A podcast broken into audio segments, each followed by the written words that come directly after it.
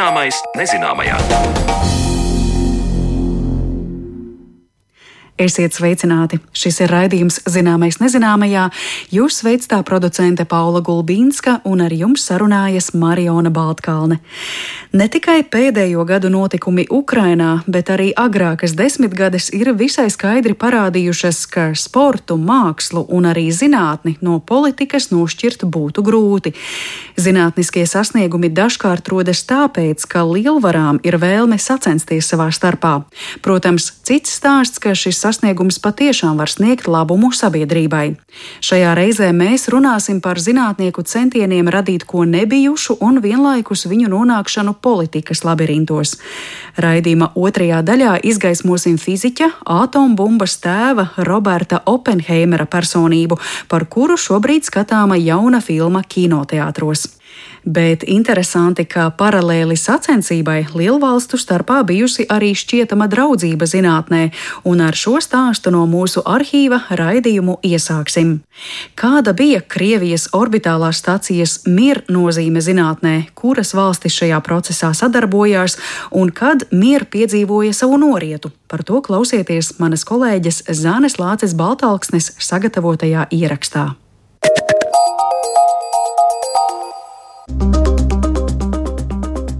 Kamēr uz Zemes noritēja skandāli un sāncensība dažādās sfērās starp bijušajām austrumu un rietumu bloka valstīm, tikām nosacīta draudzība pastāvēja kosmosā. Proti, Krievijas orbitālajā stacijā Mir, kas darbojās 15 gadus. Tur kopā strādāja gan krievu, gan amerikāņu, gan arī citu valstu astronauti. Protams, ka konkurence valdīja arī kosmosa izpētē. Kopš pagājušā gadsimta 50. gadu nogales, kad sākās izplatījuma iekarošana, sākās arī ASV un Padomju Savienības regulāri pierādījumi, kurš pirmais un kurš pārāks šajā jomā. Таймеры. На связи. Посмотрите в иллюминаторы. Если что-то увидите, скажите нам сразу. Так, Валера, он отходит от нас. Понятно. Отходит, приняли. Параметры в норме. Хорошо. Ir 1986. gada marts, un pirms pāris nedēļām no Baikonūras kosmodroma izplatījumā tika palaists stacijas Mir pamatbloks. Tagad te ir ieradusies pirmā apkalpe. Mir kļuva par pirmo kosmosa staciju vēsturē, kas ir uzbūvēta uz moduļu pamata. Tā bija paraugs tagadējai starptautiskai kosmosa stacijas būvēi un vieta, kur ilgus gadus kosmonauti veica dažādus pētījumus un eksperimentus. Tiesa, vēsturē šis orbitālais komplekss arī ir iegājis ar savām daudzajām avārijām. Vairāk par izpētes datiem, tehniskām likstām un stacijas uzbūvi stāsta astronomijas entuziasts un IT speciālists Raitis Mīsa.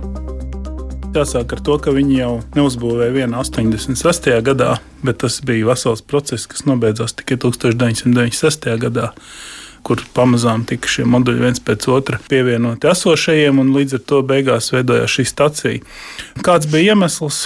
Tas faktiski skatāms mazliet pirms pašas stacijas, iepriekšējo kosmisko staciju salūta programma, kas bija tās augtās pirmās un otrās paudzes kosmiskās stacijas. Un tās faktiski arī bija viens no pirmajām kosmiskajām stacijām vispār. To mērķis bija faktiski iemācīties ilgstoši dzīvot kosmosā. Jo, ja mēs lidojam ar kosmosa kuģi, tad tās misijas ir nu, līdz divām nedēļām maksimums. Savukārt kosmiskajā stacijā mēs varam dzīvot ilgāk.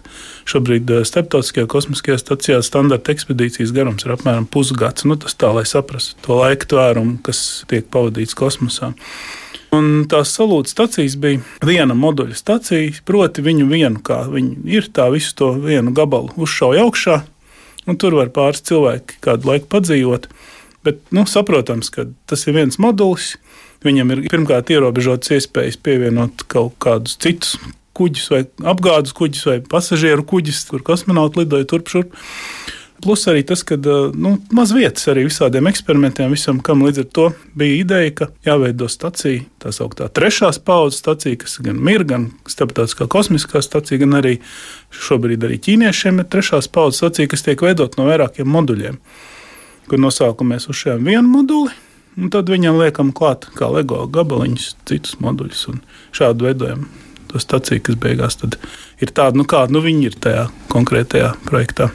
Ja mēs skatāmies nedaudz nu, tādā politiskā griezumā, proti to sāka būvēt, nu, var teikt, augstā kara beigu fāzē, toreiz jau tā sacensība arī pastāvēja. Jā, protams, amerikāņiem arī bija savas kosmisko staciju programmas, bet viņiem nebija tik attīstīts un tik veiksmīgs. Un šeit nu jāsaka, ka šis ir tas moments, kur mir faktiski parādīja, kā saka, pasaulē, kā to vajag darīt. Protams, bija šīs visas kļūdas, viss, kas saistīts ar to, ka mēs darām kaut ko tādu, kas nekad nav darīts.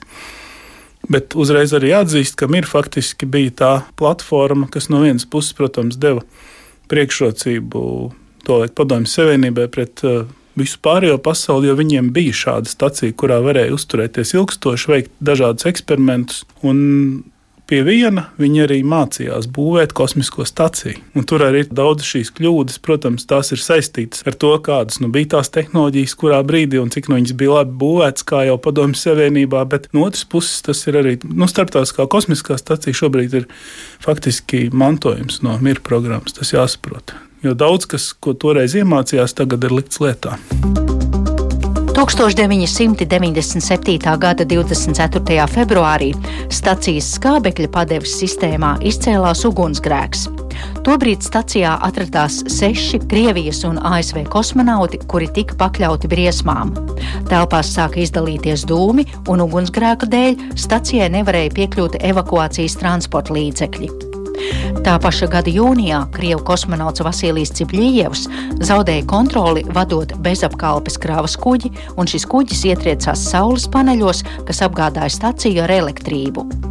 Tāpat ilgajā kalpošanas laikā miera iekārtas bija novecojušas, un, kā atminas amerikāņu astronauti, tad pati stacijas iekšiene bija pārblīvēta ar nolietotu un salauztu aprīkojumu un apkārt peldošiem atkritumu maisiem šis ir tas, ko arī saka, ka tiem, kas viņā stācijā ieradās, pirmais bija, ko viņi sajūta uz stācijas mūža beigām, bija pelējums maka.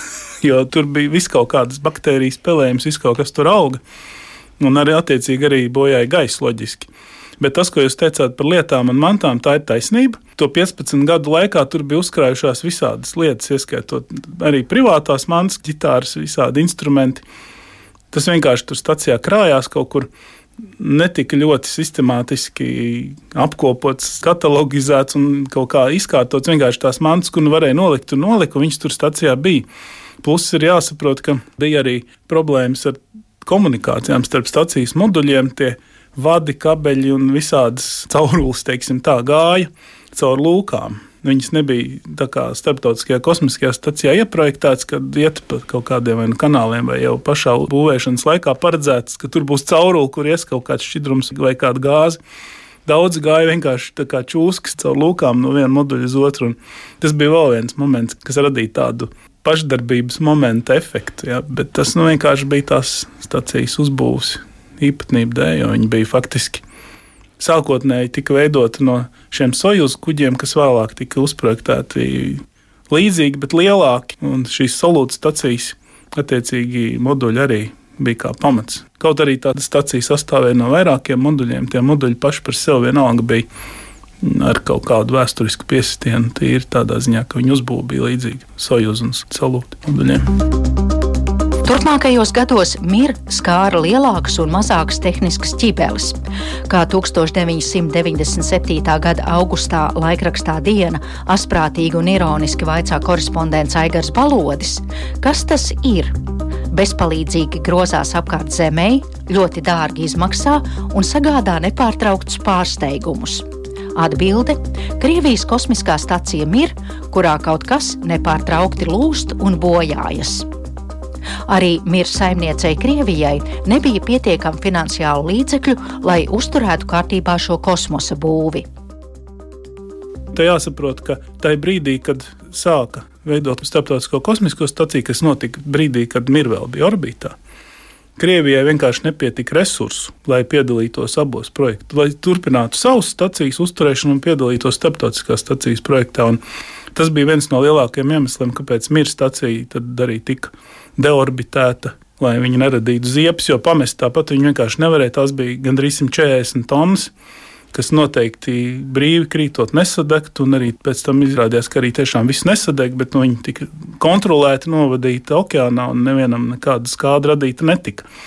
Līdz ar to tas jā, iemesls tam, kāpēc mīra vispār neturpinājās. Vēl ilgāk kā 15 gadus ir tas, kad bija jaunāka, labāka stacija jau, jau uz teķiem un sākt būvēt. Bet vai Amerikas piesaista arī bija finansiāla apsvēruma dēļ, tāpēc, ka nebija naudas Krievijas pusē, ko uzturēt šo stāciju? Nu, te ir jāsaka, ka šis iet abos virzienos. No vienas puses, Krievijai bija Mīra divi projekts plānos, bet viņš tika pārtraukts. Un amerikāņiem arī bija savs projekts, kuru ietvaros bija paredzēts veidot arī trešās paudzes kosmisko staciju, bet arī viņiem vieniem nepietika jaudas, lai to īstenot. Tad savācās kopā starptautiskā saka, komūna, Krievija, ASV, Kanāda, vēl Eiropas valstis sametās kopā, salika naudu, salika spēkus un tad sāka veidot šo starptautisko kosmisko staciju. Tas ir tas veids, kā pie viņas tagad ir tikts un kāpēc viņa ir tik laba jo ir daudz resursu no vairākiem partneriem. Ja mēs skatāmies uz ieguldījumu zinātnē un tehnikā, tad kāds ir tas mantojums, ko ir atstājusi šī kosmosa stacija? Nu, kosmiskā stacija ir jāsaprot, bija pirmā, kas ļāva plašā mērogā veikt visādus eksperimentus. Pirmkārt, noteikti, kas notika, bija šie cilvēku fizioloģijas pētījumi, kas notiek ar cilvēku ilgstoši, vairāk kā dažs labs tur ilgāk par gadu nodzīvoja. Ilgstoši uzturoties, kas notiek ar cilvēku ķermeni. Tā bija tā mācība, ko ņēma vērā Starptautiskās kosmiskās stacijas projektā. Proti, ka ir jātrenējas, jāvingro.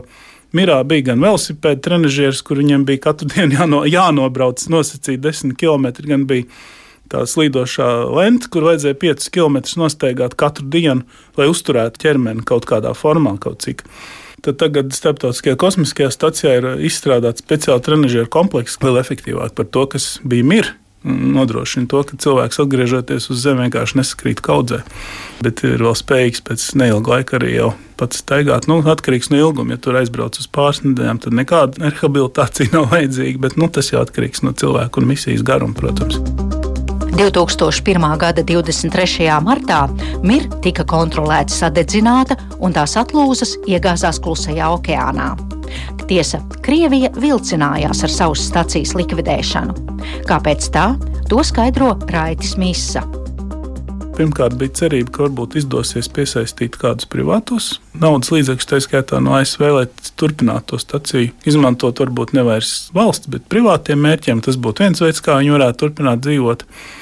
Un otrs bija tas, ka pašā Krievijā iekšā bija milzīgs spiediens uz Roskosmosu, uz Krievijas vadību, kā tā stacija arī tā skaitā simboliski nopietna lieta, kad nu, viņu vajadzētu saglabāt. Un, bija tīra pretestība no iesaistītiem cilvēkiem un arī no publikas. Un tas bija tas, kas vilcināja to lēmumu, kas bija loģisks lēmums, kad brīdī, kad notiek uh, jauna stacija, starptautiskās kosmiskās stacijas izveide un vecā mirs stacija jau ir tik ļoti nolietota un morāli novecojusi. Nu, nav viņai pamatojumi turpināt eksistēt. Bet publikas spiediens faktiski bija viens no arī izšķirošiem faktoriem, kas to beigas, kā saka, atlika uz kādu brīdi.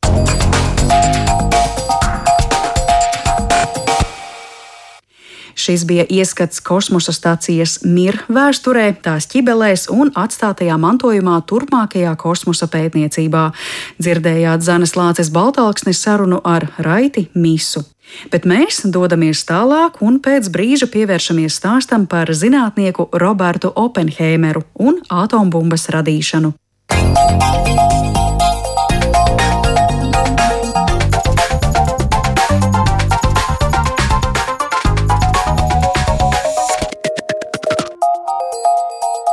Zināmais nezināmajā.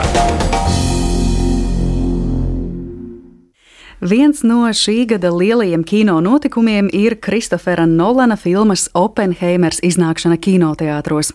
Filma ir stāsts par atombumbas radīšanu ASV Otrā pasaules kara laikā, par ārkārtīgi sarežģītu zinātnisku veikumu, par ļoti slepenu militāru operāciju, par liktenīgo Hirosimas un Nagasaki iznīcināšanu un galvenokārt jau par pretrunām, kuras piedzīvo zinātnieks Roberts Oppenheimers, vadot slaveno Manhetenas projektu.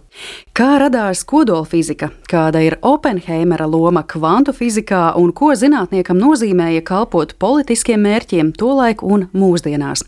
Par to stāsts mūsu raidījuma turpinājumā, sarunājoties ar Latvijas Universitātes fizikas, matemātikas un optometrijas fakultātes profesoru un Lāzeru centra vadītāju Mārci Auziņu, kuru es sveicu studijā. Labdien! Labdien! Roberta Oppenheimera biogrāfijā un jūsu biogrāfijā ir kāds fakts, ko mēs nevaram noslēpt, un es domāju, ka tas jau arī daudz kur ir publiski izskanējis. Jūs abi esat bijuši Berklijā, Kalifornijā, ASV, nu tikai tā atšķirība, ka katrs savā laika posmā. Vai jums, esot Berklijā, daudz gadījās dzirdēt par Oppenheimeru, par viņa personību? Varbūt ir palicis kaut kas prātā, ko jūs par viņa dzīves gājumu toreiz tur dzirdējāt? Jā, taisnība. Berklijā vēl ir, ja tā var teikt, saglabājušies cilvēki, kas uh, Oppenheimeru tika pazinuši personīgi. Līdz ar to Berklijā ir daudz urbāno leģendu, kurām droši vien ir ļoti konkrēts segums par viņu laiku Berklijā. Un, ja mēs runājam par Manhetenas projektu, tad es domāju, ka viņa nonākšana Berklijā bija iemesls, kāpēc viņš sāka vadīt Manhetenas projektu. Jo tajā brīdī, kad viņš nonāca Berklijā, tur bija tāds Ernests Lorenz. Un Ernsts Lorenz ir tas, kurš radīja pasaulē pirmo ciklotronu. Un ar pirmo ciklotronu varēja radīt un veidot dažādas radioizotopus. Starp citu, mēs joprojām medicīnā ciklotronus ļoti aktīvi izmantojam, bet tajā laikā tas bija pirmais šāds projekts. Un tur nonāca jauns cilvēks, Roberts Oppenheimers, patiesībā ar ļoti netipisku biogrāfiju priekš amerikāņu zinātniekiem. Viņš ir no ļoti turīgas Ņujorkas ģimenes, un kā apgalvo zinātnēji, viņa mājās ir bijuši Renoira un Rembrandta gleznu oriģināli. Un es domāju, ka tas nebūtu tipiski pat Eiropai, bet Amerikas Savienotām valstīm tajā laikā tas absolūti nebija tipiski.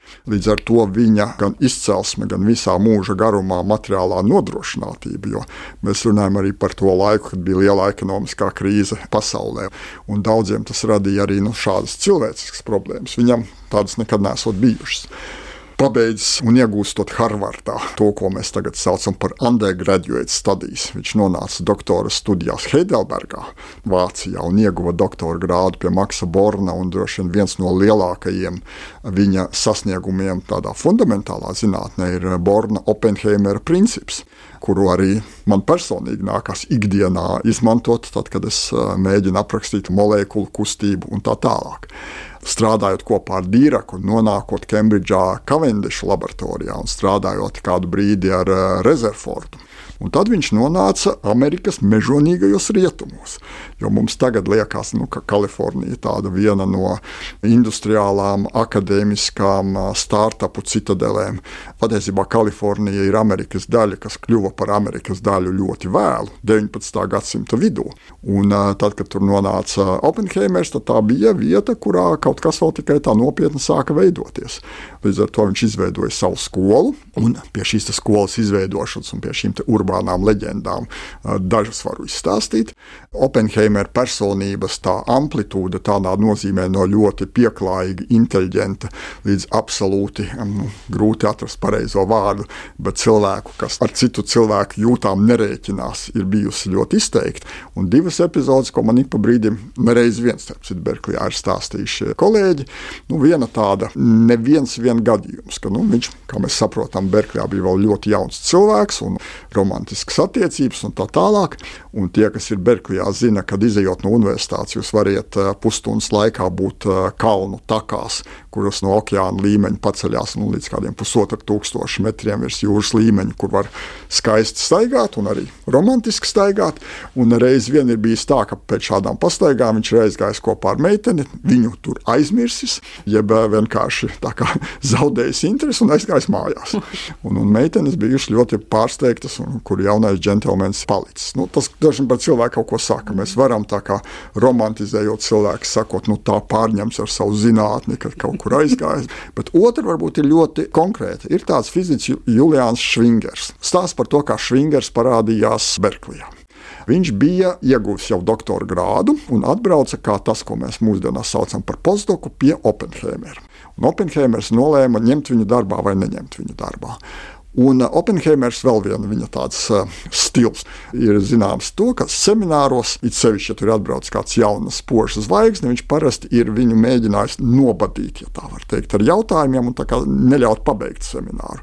Švingers bija nu, vismaz tikpat ģeniāls kā Oppenheimers. Un Šo man stāstīja cilvēks, kas Asotenijas seminārā bija klāts. Mm -hmm. Tad sākās seminārs, Švingers tur stāfels raksta savas formulas, stāsta savas eh, idejas par kvantu elektrodinamiku. Un Oppenheimers vienā brīdī kļūst nepacietīgs un sāk viņu badīt ar jautājumiem un mēģināt viņu izsist no sliedēm. Un vienā brīdī Švingers kā nopauzējis un teica, profesor, uz šo jautājumu es neatbildēšu. Oppenheimers samulst un teica, kāpēc jūs neatbildēsiet uz manu jautājumu. Švingers, un teica, tam ir divi iemesli. Pirmkārt, profesori, ja es sākšu uz to atbildēt, tas prasīs ļoti daudz laika. Bet otrkārt, ja es sākšu atbildēt, jūs tāpat nesapratīsiet. nu, tas tā arī kaut kā tādu pretsitienu Oppenheimer šim te, nu, stilam. Tādā seminārā Oppenheimers esot apklusis, nevienu jautājumu vairāk nesot uzdevis, un pēc tam viņam kādu brīdi esot izveidojusies ļoti auglīga sadarbība. Diezgan spilgtas pērles jūs jau iezīmējāt no Oppenheimera personības. Ja mēs tālāk runājam par viņa darbību fizikā, pieminējāt Borna Oppenheimera principu, kas ir joprojām daļa no jūsu darba ikdienas. Mēs eh, piesaucām Manhetenas projektu. Protams, Manhetenas projekts, kas ir saistīts ar kodola fiziku un atombumbas radīšanu Otrā pasaules kara laikā. Kvantu fizika arī tas eh, Oppenheimera biogrāfijā šķiet eh, iet roku rokā ar viņa darbību fizikā. Ja jums būtu tā jāvērtē, kur jūs eh, redzat Oppenheimeru tā visspilgtāk izpaužamies, varbūt kur viņam būtu bijis arī liels potenciāls, bet viņš to neīstenoja, jo viss tālāk aizietu uz šo Manhetenas projektu. Jā, mēs zinām, es pieminēju, ka viņš kādu brīdi sadarbojas ar Polu Dīraku. Ir ļoti slavens Pola Dīraka teiciens, un viņi ir apmēram vienā laikā dzimuši. Dīraka šis teiciens, kas ļoti labi varētu attiekties arī uz Oppenheimeru, ir tāds, ka nu, viņš teica, redziet, man nelaimējās piedzimt dažus gadus par vēlu. Tad, kad tā pamatlietas kvantu fizikā 20. gada sākumā bija jau vairāk vai mazāk izveidojušās. Jo sākuma periodā, teica Dīraks, ļoti viduvējs fiziķis varēja radīt teicamus pirmklasīgus fizikas rezultātus. Manā laikā, teica Dīraks, ir jāsamierinās pirmklasīgam fiziķim ar tādiem drusku otršķirīgiem rezultātiem, jo tas lauks jau ir uzarts, ja tā var teikt. Es domāju, ka Oppenheimera gadījumā, kuram bija milzīgs potenciāls, ļoti laba izglītība un ļoti plašs skats uz pasauli, starp citu, viņš bija arī ļoti humanitārs cilvēks, zināja daudzas valodas, franču, vācu, kas priekš amerikāņiem nav tipiski starp citu, pašmācības ceļā, lai lasītu vēdus, iemācījās sanskritu. Un iemācīties sanskritu Latvijā daži ir mēģinājuši. Mēs zinām, ka tas tā nav tāds nedēļas nogales uzdevums. Bet tātad Oppenheimers ienāca fizikā tajā brīdī, kad ir tā kā Šēdingais, Heisenbergs, tās absolūti pamatlietas jau bija izveidojuši. Tādēļ šis Borna Oppenheimera princips, piemēram, kas ir kvantu fizika, tas ir princips, kas saka, kā kvantu fizikā molekulu gadījumā kodola kustību un elektronu kustību var neatkarīgi aprakstīt.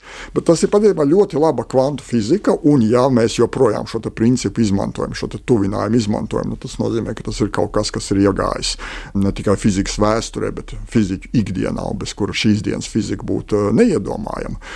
Viņa laika biedri, piemēram, Hans Bēte, kuru viņš Manhetenas projektā nozīmēja par teorijas grupas vadītāju, ļoti daudz ko izdarīja arī pēc tam. Izidors Rabi, rabi frekvences un rabi oscilācijas, kas arī ir mana ikdienas daļa, bija ļoti liels un sirsnīgs Oppenheimera draugs. Tur bija vēl ļoti daudz, lai Dīraks to nosauc varbūt sekundārām lietām, bet patiesībā absolūti fundamentāls, ko mēs izmantojam šī brīža kvantu fizikas ikdienā, bija darāms. Bet tas, ko paveica Oppenheimers Manhetenas projektā, ir absolūti izšķiroši. Un es gribētu teikt, tas viņam ļoti noderēja, jo mēs daudz mazāk pieminam, ka Manhetenas projekts patiesībā bija dažu gadu projekts. Nu, maksimums desmit gadu, ja mēs rēķinām tur atomenerģijas aģentūru, kurā viņš pēc tam darbojās, Amerikas atomenerģijas aģentūra un tā tālāk.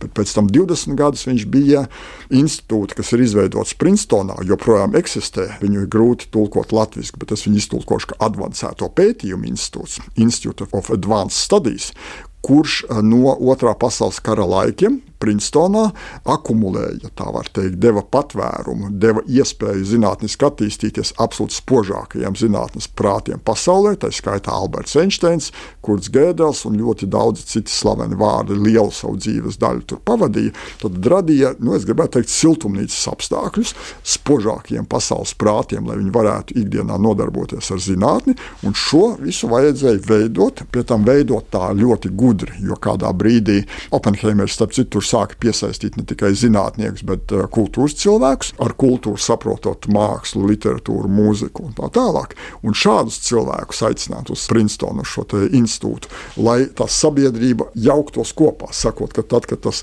katliņš vārās ar ļoti daudz dažādiem prātiem, ar ļoti daudz dažādiem skatu punktiem uz pasauli, tad kaut kas skaists var iznākt. Un šis ir, es domāju, viens varbūt eh, mazāk pieminēts, bet Man grūti, protams, likt tagad svaru kausas Manhetenas projekts, kas, protams, ir cilvēks vēsturē ļoti nozīmīga daļa. Un šis advancēto studiju institūts, bet tas balans starp šiem, es domāju, ka nevajadzētu par zemu novērtēt Oppenheimer šo daļu. Līdz ar to es domāju, ka mēs mūsdienās tomēr Oppenheimeru vairāk uzskatām kā cilvēku, kas ir veidojis zinātnē vidi, veidojis iespēju attīstīties tādiem projektiem kā Manhetens, un mazāk kā cilvēku, kas pats personīgi ir devis ieguldījumu kvantu fizikā vai kādā citā fizikas nozarē. Bet atceroties tos jūsu minētos urbānos stāstus un tādas īpatnējas nianses Oppenheimera personībā, kā jūs vērtētu fakts, ka viņš saka jā šim Manhetenas projektam? Raķetām un atombumbas radīšanai, vai tur ir arī tieša saistība velkama ar to viņa personību, varbūt godkāre, varbūt vēlme kādam atriepties. Nu, mēs nevaram nepieminēt, viņš bija ebrejs. Jā. Nu, tāpat kā daudz viņa oponentu, starp citu. tā kā es nezinu, vai šāds aspekts tur bija. Es domāju, ka tas, kur Berklī vēl ļoti noteikti nospēlēja viņa dzīvē, un šī gadījumā varbūt netika pozitīvu lomu, jo cilvēki, kas ir bijuši Berklijā, zina, ka Berklī visos laikos, un šobrīd ir ļoti kreisi noskaņota Amerikas vieta. No personiskām atmiņām pēdējo reizi, kad es tur ilgāku laiku uzturējos, tas bija tajā laikā, kad Donalds Donaldu Trumpu pirmoreiz ievēlēja par Amerikas prezidentu. Tie bija diezgan daudz mēnešu, ko es tur biju, un es varēju redzēt Berklijas šo attieksmi pret visiem šiem procesiem. Mēs zinām, ka sākotnēji Trumpam pretī vēl nebija skaidrs, kurš no demokrātu partijas uzstāsies, vai tā būs Klintona vai Bernijs Sanders. Tas ir vēl viens ebrejs, starp citu, daudz kreisāk noskaņots par Klintonu, par kuras kreisumu varētu strīdēties droši vien. Tanī brīdī, kad demokrātu partija izkristalizējas kā demokrātu kandidāts vēlēšanās pret Trumpu, nebūs Bernijs Sanders, bet būs Klintoni. Berklijā varēja fiziski eh, just, ka nu, tā kā sajūta ir nu, cauri, tad šogad tur nekādu cerību mums nav. Jo eh, Berklijas nu, nevar teikt visu, kā vienmēr sabiedrība ir ļoti raiba un ļoti dažāda, bet Berklijas kandidāts bija Bernijs Sanders.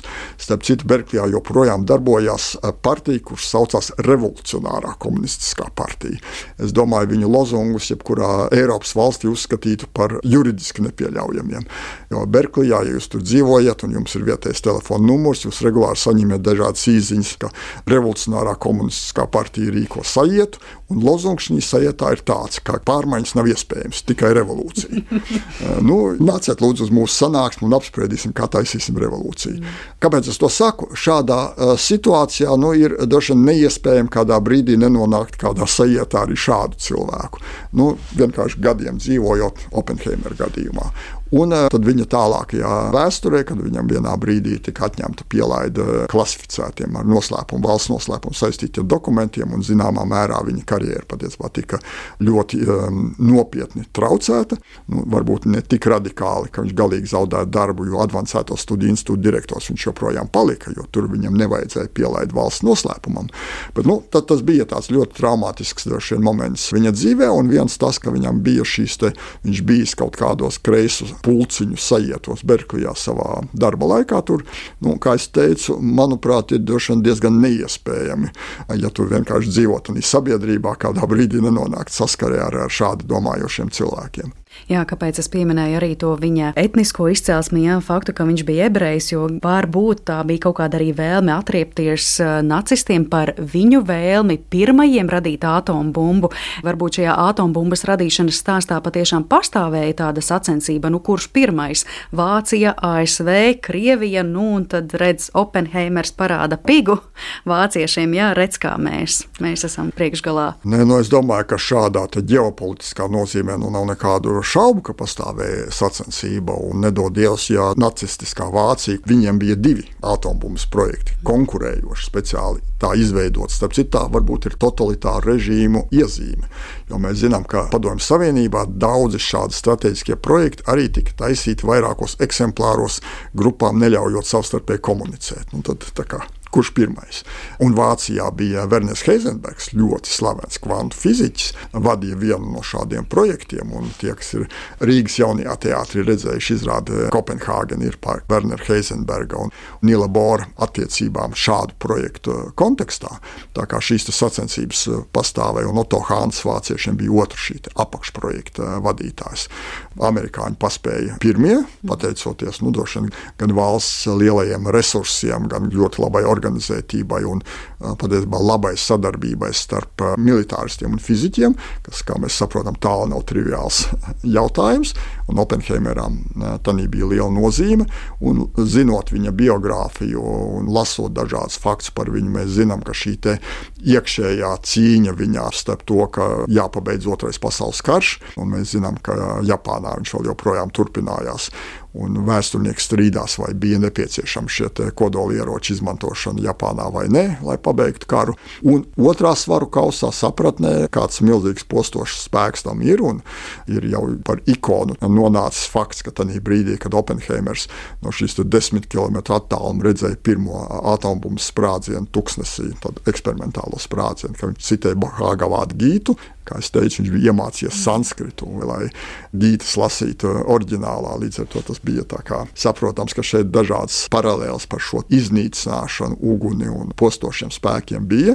Un viens no iemesliem, kāpēc viņam šī pielaida valsts noslēpuma tika atņemta, bija tā, ka viņš pēc tam ļoti aktīvi iestājās par to, ka lai šī kodola sacensība vienā brīdī beigtos, ir jābūt pilnīgai atklātībai un valstīm jādalās ar visu informāciju, kā tas varētu uh, notikt. Un tad vienā brīdī nu, tas, ko mēs saprotam, un arī šobrīd sakam, ka tik ilgi, kamēr abām pusēm vai trīs pusēm būs pietiekoši daudz kodolieroču, lai otru pusi pilnībā iznīcinātu, nu, tas varbūt ir viens no atturošiem spēkiem. Jo, ja vienai pusē ir un otrai pusē nav, nu, tad uh, kārdinājums ir viens, jeb situācija ir viena. Ja mēs zinām, ka pretī ir tikpat daudz spēka, nu, tad situācija ir cita. Un tad Oppenheimer šī politiskā, sabiedriskā darbība, lai tomēr šos kodolieročus, jeb kodola enerģētiku padarītu par to, kas palīdz cilvēkiem, nevis par to, kas vienā brīdī var iznīcināt pasauli.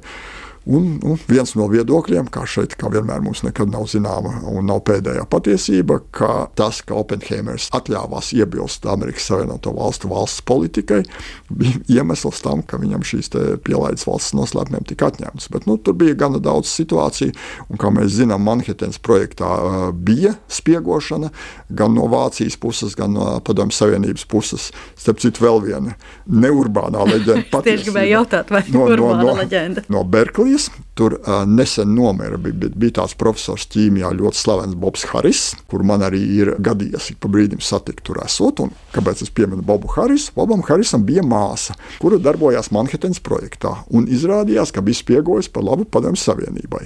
Un kaut kādā brīdī, un nevienam nezināmā veidā, viņai izdevās no Amerikas, ja tā var teikt, aizbēgt, nonākt Padomju Savienībā. Bet tā interesantā lieta, kāpēc mums īpaši bija interesanti runāties ar Bobu Harisu, ka tad, kad viņi nonāca Padomju Savienībā, viņu nometināja Rīgā. Viņa Rīgā nodzīvoja līdz savu mūža galam, un Amerikā par to ir pat dokumentāla filma uzņemta. Tā kā šī komponente arī tur bija, un, un cik Oppenheimers, nu, viņš kādā brīdī arī pats tika apvainots par spiegošanu PSRS labā, bet nu, tur nav, kā es saprotu, nevis mazāko pierādījumu, kas par to uh, varētu liecināt. Bet nu, tas, ka šis konteksts arī visā šī stāstā bija, nu, pavisam noteikti bija. Tā nebija tāda vienkārši zinātniska pētniecība. Tā bija ļoti slepena, kur visiem pāriem konkurentiem bija milzīga interese. Un mēs zinām, ka viens no stāstiem ir, ka patiesībā pirmās atombumbas projekts tika nozagts Manhetenā un tika nodots Padomju Savienībai. Un līdz ar to arī Padomju Savienība ātrāk tika pie savas atombumbas. Cik tur ir taisnība? Jo interesanti jau ir tas, ka Amerika savus arhīvus šī virzienā vairāk vai mazāk ir atvērsta Padomju Savienība, ja tagad Krievija joprojām viņus tur aizslēgts. Piemēram, atmodas laika cilvēki ļoti labi atcerās Andreju Sakarovu, cīnītāju par tā skaitā par Latvijas neatkarību un tā tālāk, bet viņš ir viens no uh, ūdeņraža bumbas projekta autoriem uh, Padomju Savienībā, un par viņa ieguldījumu šī vai viņa lomu šī joprojām nav zināms, jo arhīvi joprojām ir slēgti. Bet par eh, citu lietu, kas, es ticu, varētu būt eh, skaidrāk zināma, jūs jau pieminējāt Nila Bora vārdu, mēs runājām par atombumbu postošo spēku, vai ir eh, skaidri saprotams, kāda ir šis aizsākums kodola fizikai, jo atomfizika jau ir visai sena, tur ir spēcīgas tradīcijas. Kurš ir tas brīdis, kad fiziķi saprot, ir vēl citas reakcijas, un lūk, šīs reakcijas var sniegt nu, tādu vēlamu rezultātu, ja mēs, protams, ar tām pareizi operēt. Un tāpēc te man gribētos pieminēt Nila Bora vārdu, varbūt tas ir saistīts ar šiem kodola fizikas pirmsākumiem, bet varbūt vēl kāds cits. Nils Bors nedaudz daļai ir saistīts, bet Nils Bors ir viens no Nobel prēmijas laureātu dinastijas cilvēkiem, ja tā var teikt. Viņa dēls bija Orebors, un Orebors kā reiz par kodola dalīšanās reakcijām saņēma savu Nobel prēmiju. Bet šie procesi kodolos patiesībā sāka skaidroties un ļoti grūti pateikt, kurš ir pirmais, kas ar šīm lietām nodarbojās. Bet, nu, piemēram, Ernests Rezerfords, kurš ir gandrīz vai tā kā chronoloģiski vēl pirms kvantu fizikas un pirms Bora un pārējiem, bet mēs zinām, ka Rezerfords bija tas, kas pētīja, rādīja kodola sabrukšanu, alfa daļiņas un tālāk ar alfa daļiņu palīdzību. Un alfa daļiņa, kas ir helija atomu kodola, kas radās noteiktās um, kodola sabrukšanas reakcijās, pētīja atomu uzbūvi un tā tālāk. Līdz ar to man liekas, ka tur ir diezgan grūti pateikt, ka kā šeit bija atomfizika un kvantu fizika, un tad vienā brīdī viņa pārkļuva par uh, kodola fiziku. Es domāju, ka šie pētījumi virzieni vienmēr ir gājuši uh, roku rokā. Boram, protams, arī atombumbas radīšanā bija zināma nozīme, lai gan viņš ļoti kategoriski, viņš ir bijis Manhetenas projektā, viesojies un, un jāsaka, konsultējis un tā tālāk. Līdz ar to viņam šādā nozīmē loma ir bijis, bet viņš ļoti konsekventi no paša sākuma ir eh, postulējis, ka viņš tā kā praktiski nepiedalīsies atombumbas veidošanā, tāpat kā Alberts Einsteins, kurš nu, varbūt ir mazāk ar kodolfiziku saistīts savā profesionālā darbībā. Bet tomēr cilvēkiem bija ļoti dažādas pozīcijas, tīri no cilvēciskas un ētikas viedokļa. Mēs saprotam, ka šeit tas balans vienmēr bija ļoti sarežģīts, kā visās šādās te tehnoloģijās, kurā brīdī cilvēki nolēma piedalīties un atrod motivāciju, kāpēc tā vajag darīt. Jo pretējā gadījumā Vācija to izdarīs, Hitleriskā Vācija Vācija to izdarīs pirmā un ar prognozējumām došanu konsekvencēm.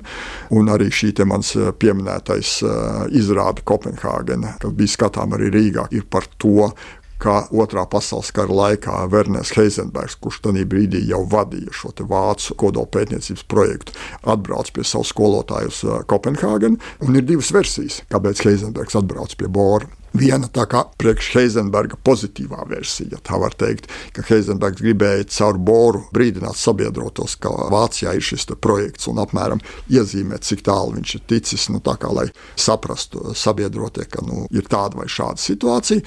Otra versija, ka viņš gribēja boru pierunāt, piedalīties Hitleriskās Vācijas projektā un dalīties ar savām zināšanām. Šīs atombums veidošanas projektā, kura ir patiesā versija, neviens nezina. Nezinu, vai viņi ir dokumentēti jo galvenās sarunas, tie, kas ir bijuši Bora institūtā, zina, ka joprojām ap viņu ir Kopenhāgenā ļoti skaists liels parks. Un tajā laikā varbūt vēl vairāk kā tagad mīlēja staigāt pa parkiem, kalniem un, un runāties par savām lietām. Un šīs sarunas lielā mērā starp Heisenbergu un Boru notika staigājot pa parku, ko viņi ir izrunājuši, kādas piezīmes Bors pēc tam veidoja vai neveidoja. Neviens nezina.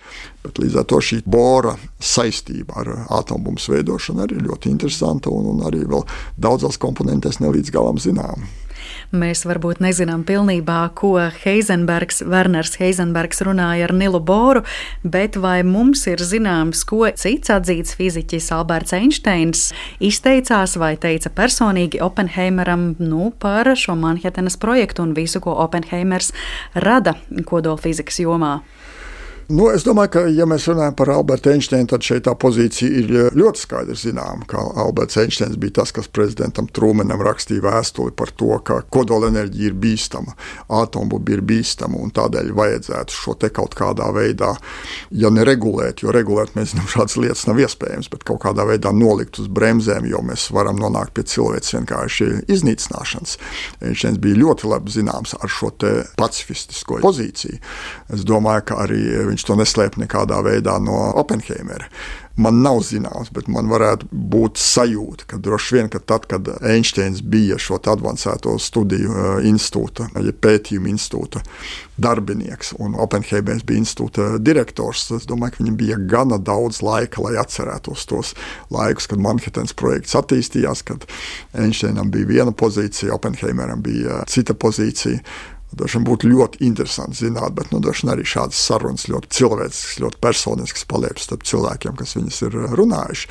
Bet nu, arī pats Oppenheimers no vienas puses, tad, kad tika plānota šīs bumbas nomešana Japānā, tad uh, Oppenheimers bija viens no tiem, kas ļoti precīzi pieteica militāristiem, ka ir jābūt pietiekoši skaidram laikam, kādā augstumā virs zemes bumba ir jādetonē, lai viņai būtu maksimāls uh, graujošais efekts un šādas lietas, kas nu, no vienas puses izklausās ļoti skarbi, un no otras puses eh, ļoti pārdzīvoja. Un, un kaut kādos brīžos arī šīs politiķu un militāru personu diskusijās iestājās par to, ka nu, labi, mēs šīs divas bumbas, starp citu, mēs ļoti maz pieminam, ka patiesībā tās bija divas ļoti dažādas bumbas. Bija tātad ūdeņraža bumba pret uh, atombumbu, bet atombumbas arī bija divas iespējamas tehnoloģijas - taisīt ar bagātinātu urānu vai veidot no plutonija. Tas arī bija starp citu uh, Oppenheimera atbildībā. Nu, tad, kuras tehnoloģijas mēs attīstām, cik daudz mēs varam šo vielu saražot, lai reāli bumbas izveidotu un testēt divas tehnoloģijas. Un divas paralēli tika attīstītas un divas paralēli tika izmēģinātas. Tad sanāk, pēc sastāvā Hiroshima un Nagasaki arī bija dažādas jā, bumbas. Jā. jā, pirmā bumba, ja es nemaldos, bija Hiroshima, man liekas, un tā bija urāna bumba, un Nagasaki bija plutonija bumba, un tā, ko izmēģināja pirmo tūkstnesī, bija plutonija bumba. Un viņām ir ļoti dažādas tehnoloģijas, kuras konkurēja un par kurām nebija skaidrs, uz kuru kārti, ja tā var teikt, likt bumbu veidojot. Tā kā es domāju, ka šī morālā dilemma, kas bija Oppenheimeram, nu, nedod Dievs vēl kādam tādu piedzīvot. Tas nav tā kā zinātniekam, nu, iesim šitādu ceļu vai iesim šitādu ceļu. Mēs saprotam, ka mēs taisām ieroci, kas ir absolūti jaudīgākais, kāds ir iespējams. Kādā brīdī var iznīcināt pasauli kopumā, nu, un ir tā atbildība vienā svaru kausā pārtraukt otro pasaules karu. Un, nodibināt mieru pasaulē, ja tā var teikt, otrā svara kausā, nu, ka tas jau tā kā nebeigsies ar šo divu bumbu uz, uzspridzināšanu. Un tur bija vēl daudzas dilemmas, jo es saprotu, ka sākotnējais mērķis bija plānots senā Japānas galvaspilsēta Nagoja. Par laimi, droši vien šeit ir ļoti skarbi teikt. Mākoņi bija tādi, ka tur to bumbu mest īsti nevarēja, un, un varēja mest uz Hirošimu un pēc tam uz Nagasaki. Starp citu, pēc dažām dienām mēs varēsim, nu, es neteikšu atzīmēt, bet būs šo bumbu nomešanas gada diena, jo tie bija 6. un 9. augusts, daži mēneši pēc tam, kad tūkstnesī pirmā bumba tika izmēģināta. Tā kā, nu, tas bija tāds ļoti, ļoti sarežģīts cilvēcisks laiks. Mm. Pieminējāt šīs dilemmas, tātad, piemēram, zinātne un politika, tehnoloģijas un karš. Tad sanāk, ir brīdis, nu, ka tādas dilemmas patiesībā neeksistē, jo mums ir svarīgi pārtraukt karu, un mēs arī šajā situācijā redzam, ka karš pat kaut kādā mērā ir progresa virzītājs zinātnē. Tā var teikt. Negribas teikt, bet objektīvi iespējams, mm. ka tā ir jāsaka. Jo tajā brīdī valstis spēja koncentrēt un veltīt tādus resursus, kā nekur citā laikā viņi to nespētu izdarīt. Tūkstnesī uzbūvēt dažu mēnešu laikā laboratoriju un dažu gadu laikā iztaisīt tos pētījumus, kas tika iztaisīti atombums radīšanā Ņūmeksikā. Nu, tas droši vien tāda nav ikdienas parādība, bet tas, kur tā reālā dilēma ir, es domāju, ka ir nedaudz niansētāk. Jo, ja mums būtu skaidrs, ka mēs atombumbu uzmetīsim un karš beigsies, un mēs tā kā iegūsim mieru, un neuzmetīsim, nebeigsies karš, tā ir ļoti melns un balts zīmēt. Joprojām zinātnīs vēsturnieki un politiķi domā, ka nu, patiesībā jau otrais pasaules karš pa lielam bija beidzies. Hitleriskā Vācija bija sakauta, miera līgums ar Vāciju bija parakstīts. Nu, tur vēl viena valsts, Japāna, turpināja karu. Nu, Droši vien kā nav jābūt milzīgi lielam prognozētājam, lai teiktu, ka karš tāpat būtu beidzies. Nu, Japāna nespētu turēties pretī valstīm, kas tajā brīdī jau bija apvienojušās. Un šeit ir tās nianses. Nevis tā kā nu, turpināsies karš un nelietosim bumbu, vai lietosim bumbu un karš beigsies. Patiesībā nu, viņš beigsies uh, drusku ātrāk. Droši vien, ka tādi ir tie termini. Nu, tāpat kā mēs saprotam, arī mūsdienās nu, mēs šobrīd par Ukrajinu daudz diskutējam par kasešu bumbām, lietot, nelietot un tā tālāk. Un tas ir ļoti niansēts. Šeit nav tā kā jā un nē. Uz skaidrs, tad lietosim, vinnēsim, nelietosim, zaudēsim karā un tā tālāk. Līdz ar to dilemmas droši vien ir tāds, ka es pieņemu, ka Oppenheimers daudzas naktis negulēja. Gan pirms tam, gan pēc tam. Mm. Jā, es vēl par šo zinātnieka likteni politisko kolīziju kontekstā pie šī jautājuma gribēju pieskarties. Par to arī runā jaunā filma tieši par šo politisko izrēķināšanos, ko piedzīvoja Oppenheimers. Nu, principā darot darbu, kas viņam bija uzticēts, kā liels varoņdarbs.